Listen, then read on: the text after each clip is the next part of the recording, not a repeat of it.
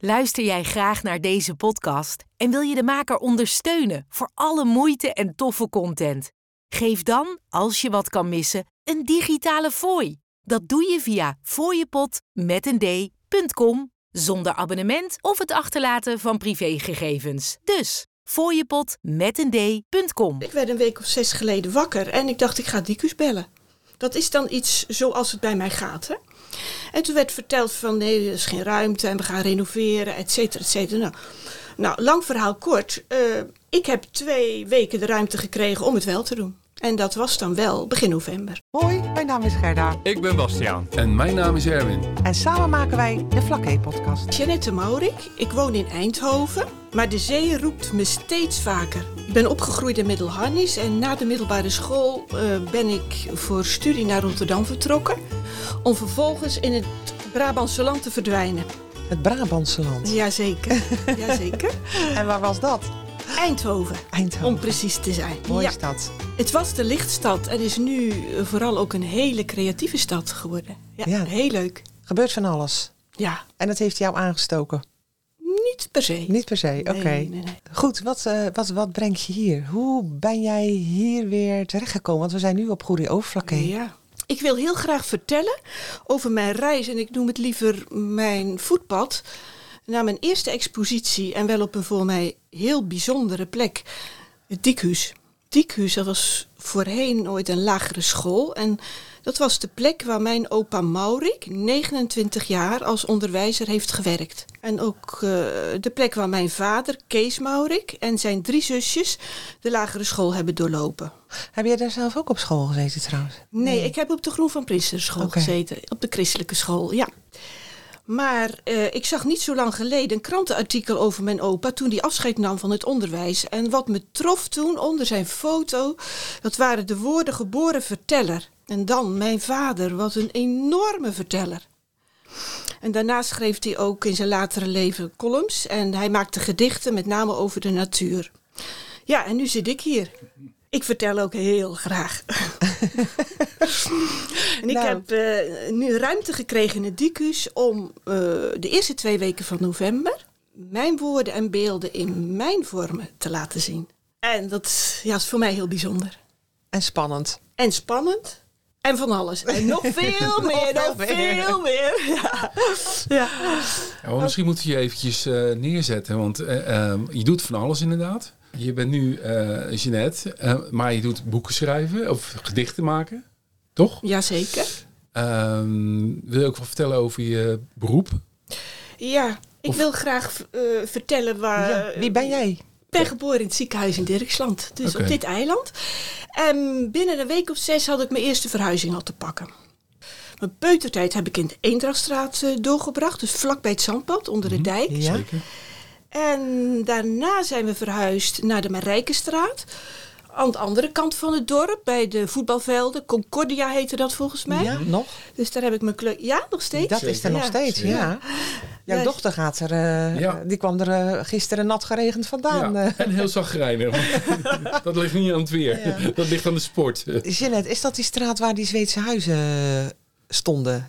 Nou, Die houten huizen? Heel dichtbij in ieder geval. Ja, ja, ja. Maar niet dat jullie daarin wonen? Nee, wij Oh. woonden, nee, daar woonden wij niet. Wij woonden echt letterlijk tegenover de voetbalvelden. Daar was ook nog een klein veldje voor, waar ik als kleuter al flink voetbalde met de vriendjes uit de buurt. Daar heb ik dus mijn eh, kleuter- en lagere schooltijd doorgebracht. En vervolgens zijn we verhuisd naar de Rembrandtlaan. En eh, dus tijdens de middelbare schooltijd heb ik daar gewoond, op loopafstand van de RGO. Ik wou net zeggen, dan was je heel dicht bij school. Dat was heel fijn. Ja. Tussenuurtje toch even naar huis of Ja, niet. ja. Ik kon kiezen. Ja. Als kind was ik, ja, als ik daarover denk, was ik ontzettend graag buiten. Ja, alles wat je maar kan bedenken, deed ik. Het begon dus met voetballen, hoe klein ik was. Eh, Knikken, realistieke twist. Ja, alles wat in mijn generatie kinderen toch wel buiten deden. Rolschaatsen, wilde altijd de eerste zijn. Eh, dat had ik heel erg ook. De beste. En turnen, daar heb jij ook in Ja. meegemaakt. Heb ik heel veel gedaan, wedstrijdturnen. Er waren jaren bij dat ik vijf uur per week turnde. Ook nog wedstrijd zwemmen heb ik gedaan. Ja, het- ik, als ik dat nu op een rijtje zet, denk ik, ik was alleen maar aan het bewegen. Je was druk. Al buiten, maar niet alleen buiten. Want als ik uit school kwam, dan was als eerste eh, ging, ging ik mijn boekje lezen. Want de, de klassenbibliotheken die heb ik altijd gewoon zo snel mogelijk leeg gelezen. Letterlijk, ja. ja, ja. Ja. Ik maakte ook heel graag puzzels, dat zie ik me ook. En ik verzamelde van alles. Kort geleden zag ik nog een oud schriftje met sigarenbandjes zelfs. Die ik in schriftjes plakte. Maar wat ik vooral ook deed, enorme passie voor de prinsjes van Oranje. Daar kocht ik foto's van met mijn weinige zakgeld. En heb er heel veel plakboeken van volgeplakt. Oh, echt? Dat prins, dat komt later nog terug. Oké, daar wacht op. Dus het was, ja, ik was dus en heel veel buiten het bewegen, maar van binnen bewoog ik ook altijd. Reizen kunnen we ook binnen, hè? Ja. volop. Mijn moeder, Stien Witvliet, leefde mij, mijn twee zussen en twee broers heel erg goed haar liefde voor de zon, de zee en het strand voor. In de zomervakantie gingen we dan zodra eh, ja, het weer goed genoeg was en de temperatuur hoog genoeg met de bus naar het strand, naar Oudorp, met z'n allen. En dan zaten we altijd bij het strandtent De Branding bij Jan Flohil. Gevleugelde woorden waren dat. net. Ja, ik denk dat, eh, dat, dat heel veel mensen daar vroeger naar het strand gingen. Want dat, want dat was het. Maar je zegt, je, we- eh, wij gingen dan met, de, met openbaar vervoer, hè? met de bus ging je. Ja, Kan jij je nog herinneren, even een uitstapje hoor, Ja. dat, dat, dat die bus draaide bij het haventje van Oudorp. jazeker. En dat hij dan met die achterkant over de kade hing, boven het water. Dat klinkt heel spannend. nou, ik vond dat zo eng. Ik vond dat zo eng. Ik had het liefst gewoon naast die chauffeur gaan staan en gaan zitten. Weet jij dat niet meer? Gerda, nu je het zegt, weet ik het. Maar ik was het vergeten, maar het klopt. Ja. Het klopt. En dan voelde je van, ja, voel je die, de, de, de achterwiel? Ja, hij klopt. Ja, maar het gaat, we gaan weer terug. Ja, Ja, ja. nu heb ik hem. ja ik vond het Daar altijd ga ik iets over schrijven. Over een maand zie je het. Ja, ja. Ja. Oké, ga verder. Eh, na de middelbare school ging ik op kamers in Rotterdam en heb de studiemaatschappij geschiedenis afgerond daar. Vanaf mijn tweede studiejaar al was ik steeds vaker in Eindhoven, waar mijn vriend woonde, die trouwens ook van Flaké komt. Wij waren elke week trouwens wel even terug op Flaké en ik heb nog jaren een bijbaan in Hennesseroord als weekendtelefoniste aangehouden. We zijn getrouwd en hebben drie heerlijke dochters gekregen en ons leven ging verder in het Brabantse land. Ben altijd in Eindhoven blijven wonen. Toen je daar Ja. een keer zei van ja, we kwamen steeds vaker in Eindhoven. Eh, daar ben je eh, uiteindelijk gaan settelen, zeg maar. Daar ben je, Ja, je bent niet meer gaan verhuizen, zeg maar. Ja, misschien binnen Eindhoven dan nog, maar Binnen Eindhoven wel, maar nooit Naar meer een andere plaats. Nee, Eindhoven, nee. nee. Maar wat heb ik de zee en de hoge luchten vaak gemist. Heel erg vaak. Een enorm heimweegevoel naar ruimte en naar vrijheid. Dit werd met de jaren minder en acceptatie kwam ervoor in de plaats. We hadden het goed en ik vond de stad ook heerlijk met zoveel mogelijkheden in deze fase van mijn leven. En ehm, ik ging de bossen en de hei, en sowieso is Eindhoven ook een hele groene stad, ging ik steeds meer waarderen. Ik heb wel altijd een droom gehouden en dat was ooit in mijn leven een eigen plekje aan zee te hebben. Ik wist dat het zou komen, maar wanneer? Ik liet het ook los. We hadden ons werk en hobby's en de kinderen en ja, zo ging het. vaak is dat ook heel druk, hè, zo'n leven. Met, met opgroeiende kinderen en je werk. En ehm, net zoals je zegt, hobby's. Je kinderen hebben hobby's, die gaan sporten. Eh, je zit soms in zo'n malle molen van het leven. Ja, en het is ook zo, kijk, ik, ik, ik werkte, ik heb altijd gewerkt daarbij, maar ook altijd vrijwilligerswerk. Ik heb overal in en op, ja, op en neer gezeten, Ja. in en op. Heel Ja. veel getennist, altijd. En, het, het, en ik, ja, mijn passie was ook het opvoeden van mijn kinderen ook heel erg aanbieden. En wat ze wilden, wilden ze. En ja, ik heb het geluk dat ze eh, heel breed geïnteresseerd waren. Allemaal muziek gemaakt. En, eh, dus ik, ik genoot ook eh, van alles wat er was. Ja, van het moederschap. Van, ook van het moederschap. En eh, ja, en, en, en. Ja, leuk. En eh, dat was mooi, daar ben ik ook heel dankbaar voor. Nu ik het zo zeg, dat is niet gemiddeld en gewoon. In de zomer van 2016 werd opeens heel snel mijn droom waarheid. Op Prinsenhof, een van de oudste parken van Oudorp, kochten we een basic huisje op een prachtige plek. Het bouwjaar van dat huisje, mijn bouwjaar. Maar is dat de link naar de prinsen? Onder andere. en het is vandaag Prinsjesdag. Ja, ook nog. Ja, klopt. Oh. Misschien wel leuk om te vertellen is dat eh, mijn mooiste jeugdherinnering ligt op Prinshof. Als meisje van een jaar of negen of tien jaar was ik zo, ben ik een aantal keer bij een oud-tante op bezoek geweest, samen met het gezin van mijn tante Wil. En ja, het beeld heb ik direct voor me, dat ik van de schurvelingen gleed in de avondzon. En ja, dat zo onbezorgd vrijheidsgevoel, nou dat is, uh, is eigenlijk niet te beschrijven, maar dat is dus mijn mooiste jeugdherinnering. Op Prinshof, waar dus een oom van mijn vader als een van de eerste een vakantiehuisje kocht ooit was voor toen die tijd ook wel heel bijzonder, denk ik. Hè? Want Oudorp, uh, ja, ik vind Oudorp altijd geweldig. Mm zeker. Ja. Um, maar wij, wij keken vroeger ook wel eens naar een huisje en dacht ja, dat is te duur, dat kan ja. niet. En dat is nog zo. dus daarom vind ik het heel bijzonder als iemand dat toen al eigenlijk wel had. Weten, ja. Nou ja, wie het had, dat was dus bezit van een oom van mijn vader. Ja, dat snap ik. Dat zei je heel duidelijk. Ja, ja, ja. Maar um, kijk, ik heb ook later vriendinnen gekregen. En die ouders hadden ook een huisje in ja. Oudorp. Ja. En ik vond het altijd dan bijzonder. Ik vond, ik, ja, is gewoon heel. Ik begrijp het. Ja, ja? Ik, ik, begrijp het nu heel goed. Ja, het is even dat ik het vanuit een andere kant ja. Uh, oppak. Ja. Nou, mijn uh, eerste droom, dus een plekje aan zee, was gerealiseerd. Op de Prinshof. Op de Prinshof zelfs nog. Ja. maar gelijk daarna kwam een volgende droom alweer. Een aantal jaren eerder, in 2012, had ik namelijk een switch gemaakt op werkgebied. Ik wilde graag één op één iets voor mensen kunnen betekenen op het gebied van gezondheid en welzijn. In dat jaar, in 2012, heb ik toen ook maar gelijk besloten om een domeinnaam te reserveren. En die domeinnaam werd mijnvoetpad.nu. Die vond ik helemaal kloppen voor mij. Wat die tweede droom dus was, het was om naast dat we uh, als, als gezin ja, voor ontspanning naar ons vakantiehuisje zouden gaan. Dat was, ja, daarom hadden we het ook gekocht. Voor mij ook dat ik uh, mijn werkactiviteiten naar zee zou gaan uitbreiden vanaf het voorjaar 2017. Dat was dus mijn tweede droom. De diagnose borstkanker maakte echter dat ik eerst een ander pad moest gaan lopen. Mijn focus op activiteiten aan zee uitbreiden bleef echter bovenaan staan voor mij. Wat in deze tijd gebeurde, eigenlijk al net een paar maanden eerder, was dat ik woorden aan het papier ging toevertrouwen. En als ik nog eens, ja, toch nog eens wat preciezer terugdenk, dan was het zo dat ik een jaar daarvoor, eigenlijk al voordat we het huisje kochten, in de lente een lenteflyer maakte voor mijn activiteiten in Eindhoven. En dat ik op die lenteflyer schreef: felle kleuren klinken lente, dag winter met al dat was, ruimte proevend van een geurend nieuw nu. Ik kreeg dus uh, in het voorjaar 2017 steeds meer behoefte en zette dat ook om in actie om mijn gevoelens liefst op de millimeter woorden te geven. En dat waren steeds weer geluksmomentjes. Later werkte voor mij regels geven aan mijn ervaringen en verwerking van de diagnose heel erg troostend en ze steunde mij ook. Ik, ik gaf mezelf de steun, het verlichtte mij daarmee, het schrijven.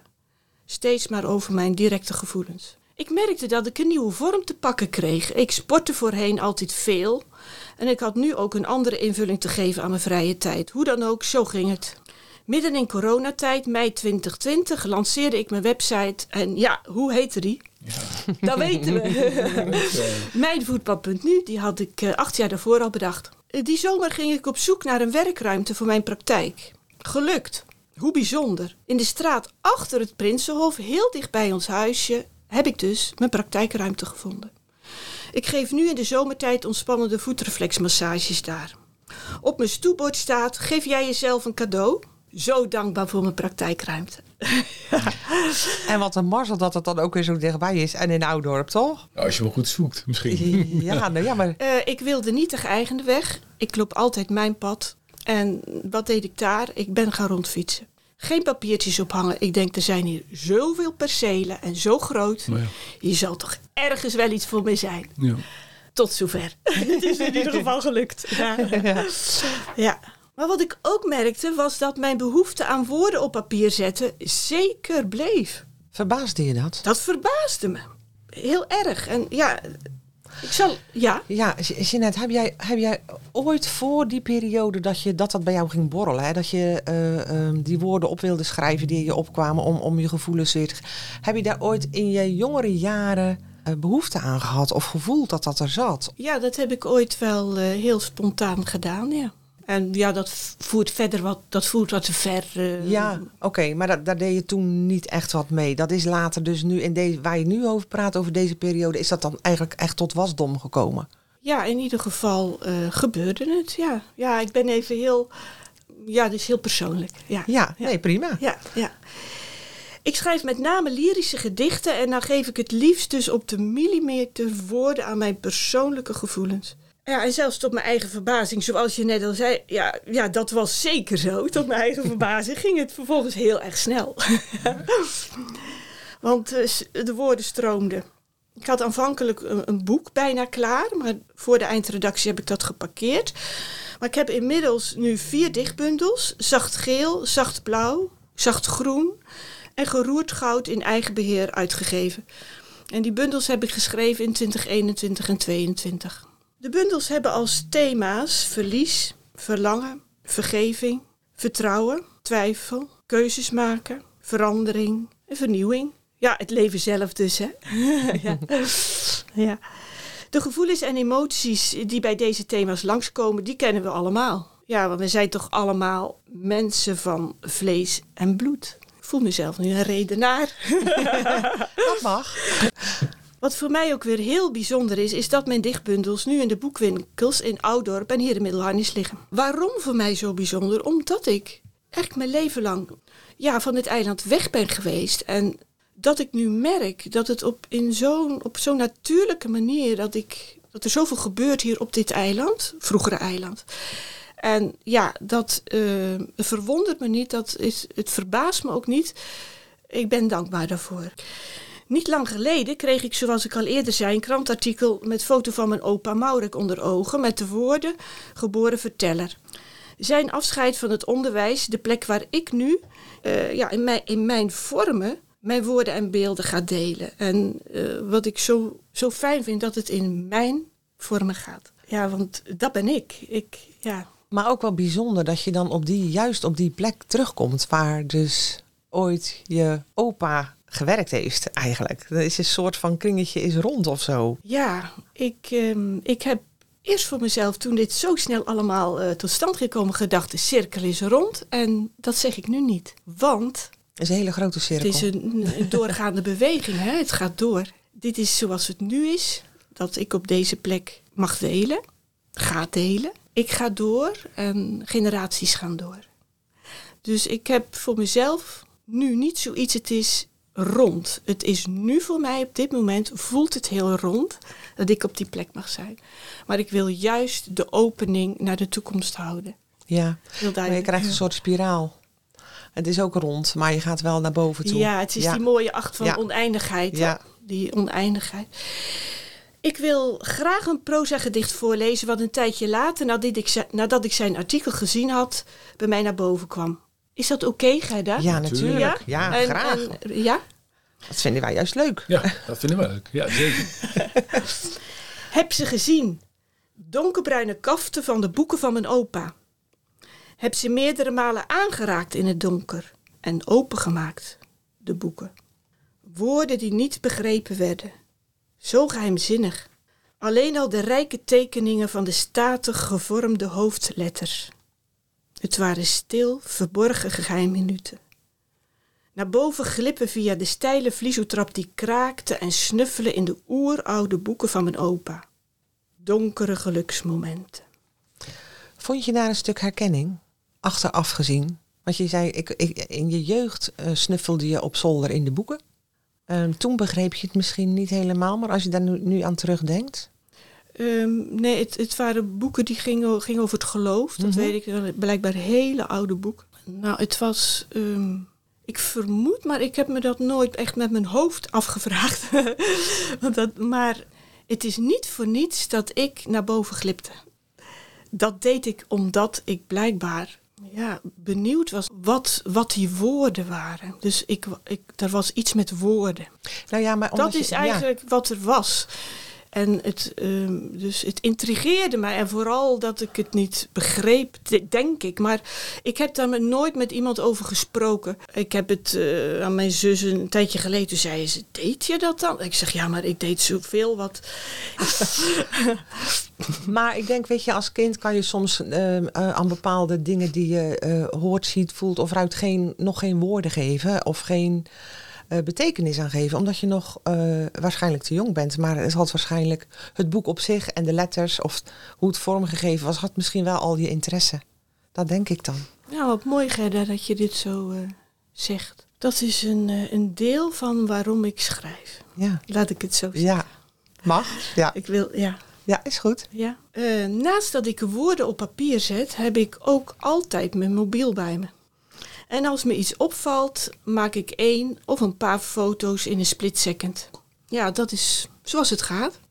En zo kwam het dat ik in het vroege voorjaar, gewoon dit voorjaar, een foto op mijn mobiel zag die ik eh, vorig jaar september gemaakt had. En een paar dagen later eh, schreef ik een aantal regels. En opeens zag ik dat de afbeelding en die woorden elkaar versterkten. Ik heb al tijden daarvoor eerder eh, voor mezelf geweten, eh, woorden en beelden aan de muur, dat gaat ooit gebeuren. Maar ja, dat is met alles wat er in mijn leven gebeurt. Of dat ik al weet dat het gaat gebeuren. Zoals ik mijn dichtbundels naar buiten heb gebracht, krijg ik nu dus ook de mogelijkheid om mijn woorden en beelden in versneld tempo naar buiten te brengen. Yes, daar ben ik echt heel blij mee.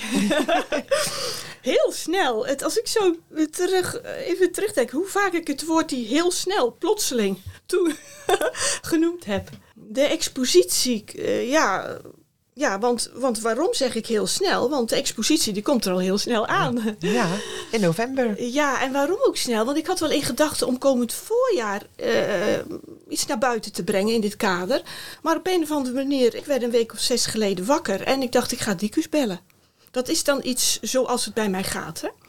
En toen werd verteld van nee, er is geen ruimte en we gaan renoveren, et cetera, et cetera. Nou, nou lang verhaal kort. eh, ik heb twee weken de ruimte gekregen om het wel te doen. En dat was dan wel begin november. Dus vandaar ging het voor mij ook heel snel. Het thema van mijn expositie is zichtbaar, speels, kwetsbaar en vrij. Ja, het voelde ook heel kwetsbaar eh, toen ik met de voorbereidingen in de vorm begon. Mijn creativiteit kunnen botvieren, hiervoor ruimte krijgen, ja, dat vind ik echt eh, heerlijk. ik wilde voor geen goud deze kans voorbij laten gaan.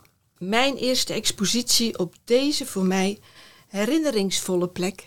Nou ja, dat, is het zeker. En we zijn net al het kringetjes rond. En jij zei, ja, voor mij is het nog niet rond. Hè. Het is gewoon een, een doorgaande, eh, net zoals de acht, hè, dat blijft maar doorgaan. Je hebt vier bundels geschreven nu, maar het is je eerste expositie.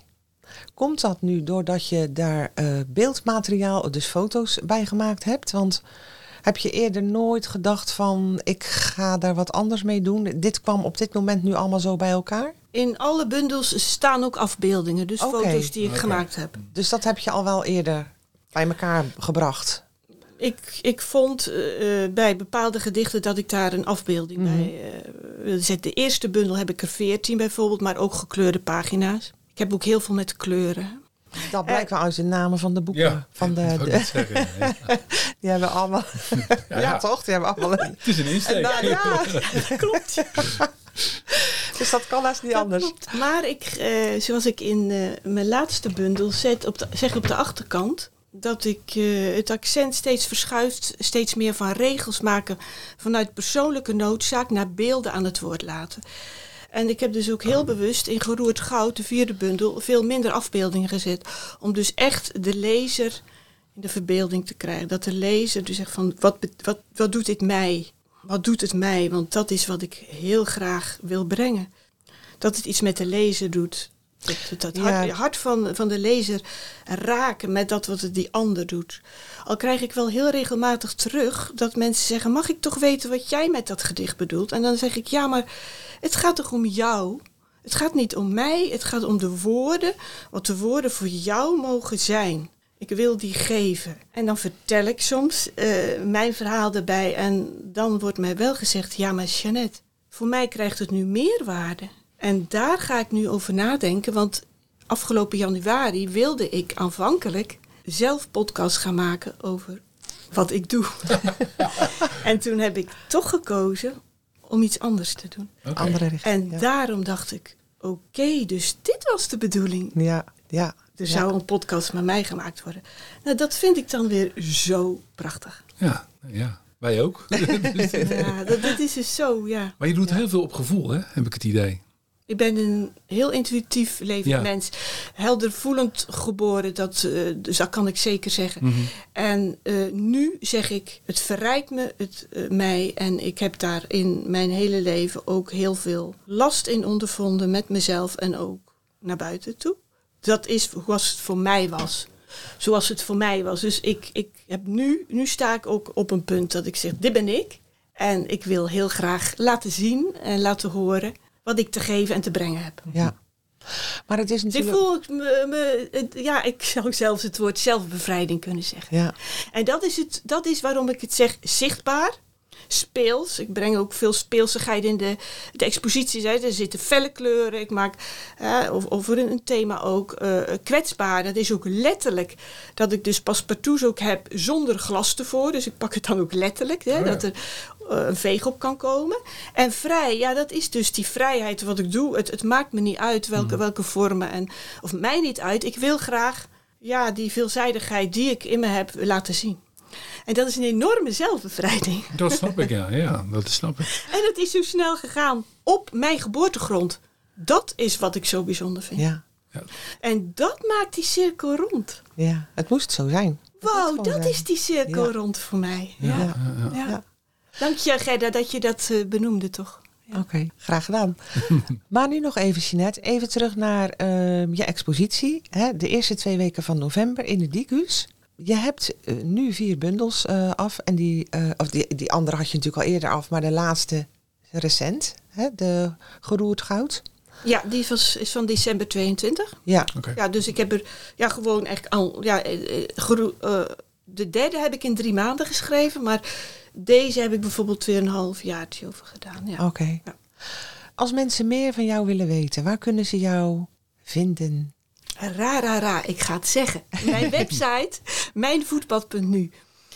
Daarin eh, stel ik mezelf voor als vanzelfsprekend. En ik, eh, daar staat een kopje, eh, maar dat gaat over reflexzone. Ja, Bewust worden, bewustzijnsontwikkeling. Want ik, eh, ik heb ook een programma Bewust Vitaal zijn. Meer ook een coachingsprogramma, maar dan ook in de breedte. Er zit van alles in. En dan dus ook een kopje vrije poëzie. En er komt dus nu ook een kopje beelden en woorden, maar dat ga ik nog anders benoemen. oké. Ik, ik ga dus ook een andere domeinnaam gewoon met mijn eigen naam doen. Oké. Zodat er doorgeschoven kan worden. Volop in ontwikkeling. Nou ja, het, het gaat alleen maar sneller nog, maar ik kan mezelf soms niet bijhouden. Nou, aan je gezicht te zien ben je heel blij ermee. Nou, ik, ja, dit is zo bijzonder dat ik het mag vertellen. Ik zie Heel het goed, aan je. heel Ik goed. zie het aan je. Ehm Jeanette Maurik. ehm, wij kenden elkaar natuurlijk ook al Ja, van we vroeger. kennen elkaar heel lang geleden. Van vroeger, van de Ja, gym en van de ja, zwemclub. Ja, Maar je bent inderdaad heel lang uit zicht geweest. En ik vind het ontzettend leuk om je hier tegenover me te hebben in de podcast. En we hebben elkaar natuurlijk eh, eerder al telefonisch een aantal keren gesproken. Vond het Ja. ontzettend leuk. en eh, ja, ik wil je dank, eh, ja, heel erg bedanken voor je, voor je aanwezigheid hier. Want wij vonden het heel erg leuk om je te gast te hebben. Ja, bedankt. dank je wel. Heel Dank veel je wel. succes met je Ja, expositie. Luister je graag naar deze podcast? Laat de maker weten dat je waardeert wat hij of zij doet en geef een digitale fooi. Dat kan zonder abonnement, snel en simpel via fooiepot.com. Fooiepot met een d.com